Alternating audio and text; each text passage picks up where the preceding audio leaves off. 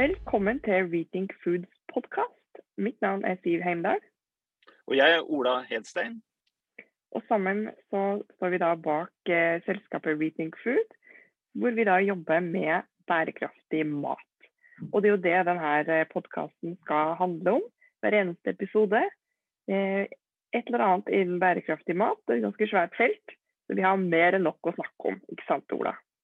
Jo, det har vi. Dette brenner vi jo for å jobbe med. Og vi tror det er grunnleggende viktig for å skape en god framtid for uh, våre barn, og kanskje noen barnebarn etter hvert. Ja, intet mindre. Vi skal, jo, vi skal jo bo på denne planeten vi mennesker med en god stund til. Det tar litt tid før denne sola brenner ut. Ja, selv om Elon Musk skal planlegge å reise utenfor eh, solsystemet, så tror jeg vi må ta vare på den planeten vi har i første omgang enig. Vi, det, det, er i hvert fall det som er vårt fokus. da. Så får Elon Musk eh, holde på med sitt. Ja, det gjør det. Men eh, det er jo eh, verdt å ha med seg når man jobber med matsystemet, at klimapanelet IPCC sier at for å løse klimaproblemet og biomangfoldsutfordringene, så må vi ha et matsystem som fungerer og gi nok mat til alle. Yes, og Det er på en måte det vi har satt oss som vårt eh, mandat. Eh, noen sier at det kanskje er litt eh, ambisiøst, men eh, vi er jo to ganske ambisiøse folk. Og jeg føler egentlig at mange andre er med på den visjonen også. Så for å følge denne podkasten og oss som selskap, da, så er det stort sett det du vil få presentert.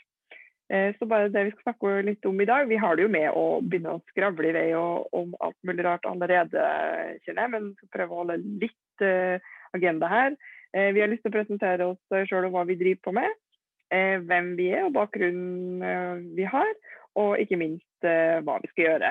Så nå har vi allerede begynt å prate litt om de her bærekraftige matsystemene. Det, det, det, er veldig fort at du trenger egentlig ikke putte på en tier engang for noen av oss, så, så er vi liksom i gang. Det stemmer. Men skal vi gå rett på vår bakgrunn nå? Ja, det. Har du lyst til å begynne å presentere deg sjøl, eller? Ja, jeg er jo en eh, sånn forsmådd odelsgutt fra Trøndelag. Eh, ble et offer for Stortingets eh, likestillingsarbeid, så jeg mista odelsretten da jeg var ett år gammel. Vokste opp på en svinegård der. Studert ved Norges landbruksuniversitet, eller Norges miljø- og biovitenskapelige universitet, som det heter nå. Så jeg jobba mye i kjøttbransjen. Jeg jobba innenfor myndighetsapparatet og med matmerking. Eh, og til sist så var jeg leder da av Norsk landbrukssamvirke. Så jeg har 30 års erfaring med landbruk og mat, og syns det er utrolig spennende og givende, og ikke minst viktig. Jeg syns du har takla den forsmåddheten ganske bra. Det. det er ikke noe som skinner gjennom sånn i det daglige, i hvert fall. Og det brenner eh, i et sånn eh, guttehjerte når du skjønner at du var egentlig odelsgutt og du ikke fikk lov til å være det så er det noe som rører, eh, berører rett og slett når du er på den alderen. Men jeg har klart meg bra uten. Ja, Dere har det ikke så lett, eh, dere gutta heller, da, skjønner jeg? Nei, men det jeg tror det er bra at uh, i hele tatt at den odelsproblematikken uh, fader ut. Den er uh, fra fortiden og ikke skapt for fremtiden. Ja, for det er jo litt eh, forskjell på oss to. da. Jeg er jo ikke i nærheten av å ha noe odel engang. Født og oppvokst i Trondheim by. Um, så har jeg jo kommet inn i denne uh, matbransjen litt sidelengs.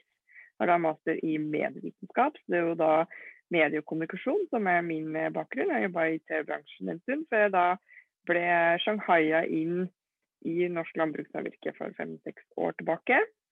Eh, og har jo da blitt veldig engasjert i eh, tematikken bærekraftig mat.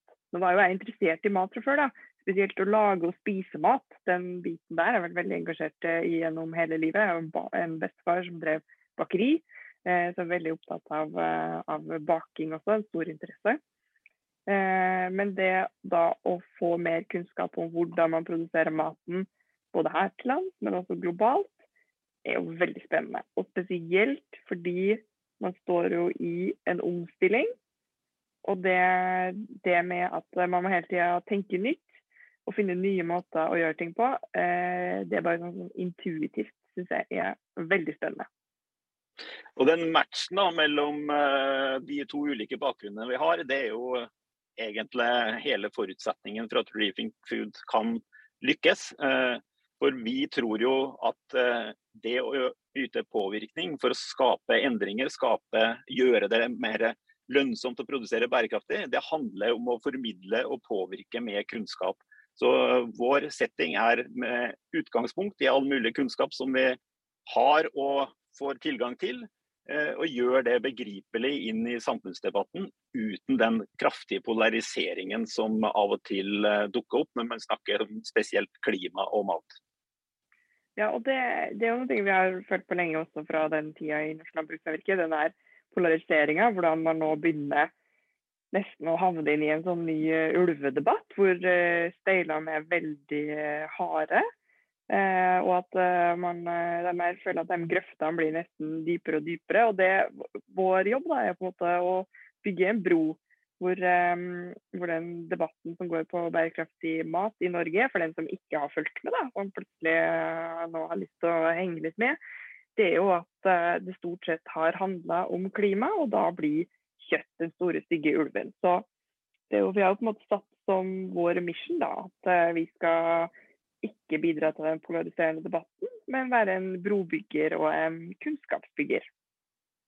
Ja, Vi har den enkle inngangen at ethvert land eh, må produsere så mye mat de overhodet kan fram mot 2040 og 2050 hvis det skal bli nok til alle. Vi blir så mange flere.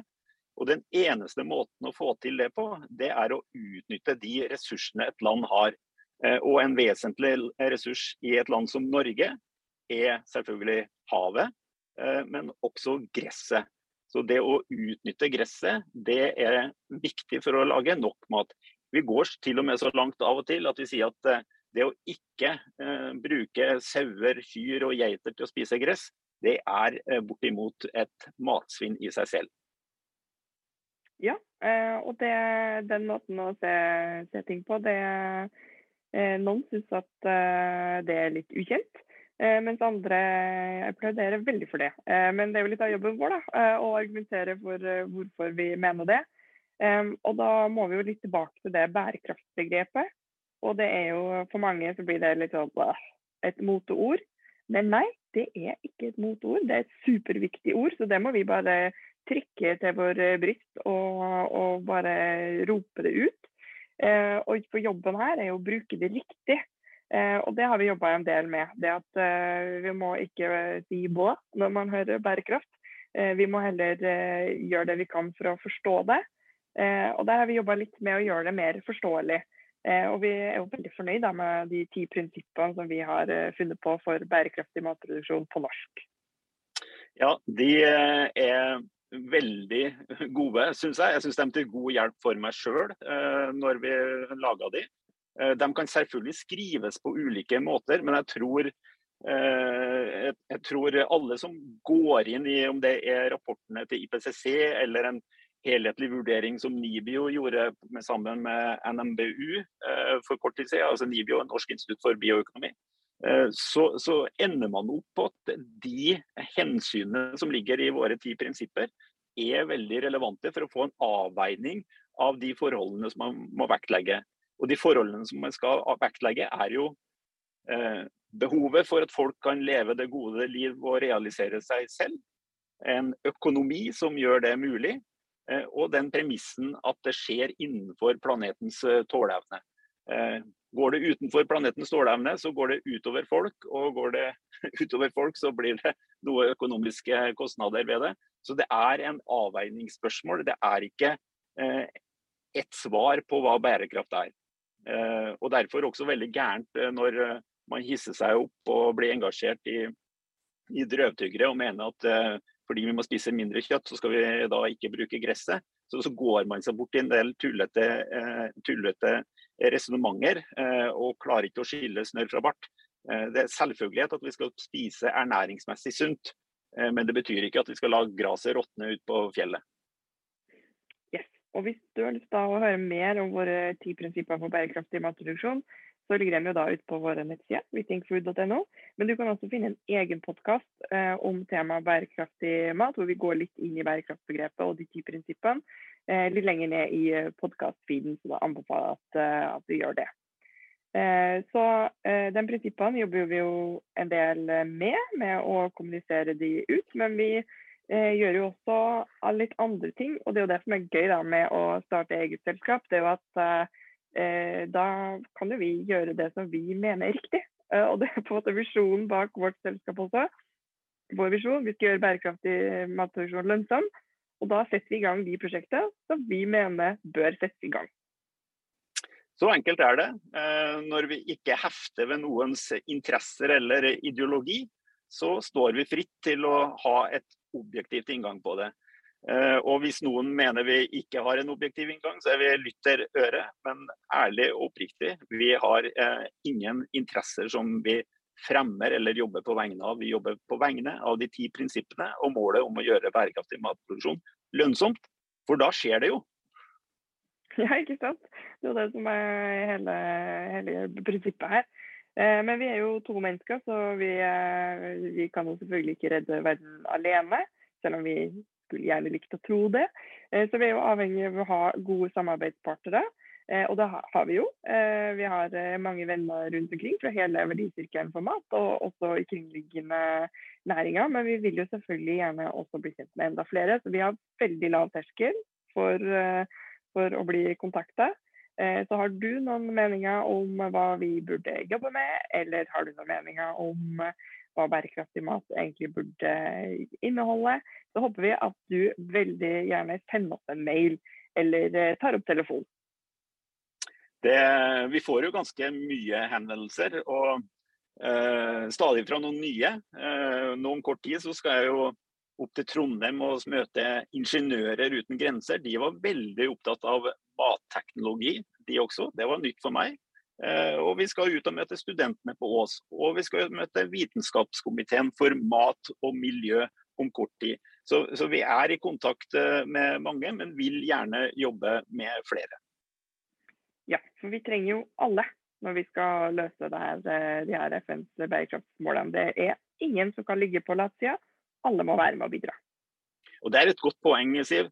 Det er et mål, et bærekraftsmål, som Eh, kommer som en selvfølgelighet, men som vi opplever ofte er det mest problematiske.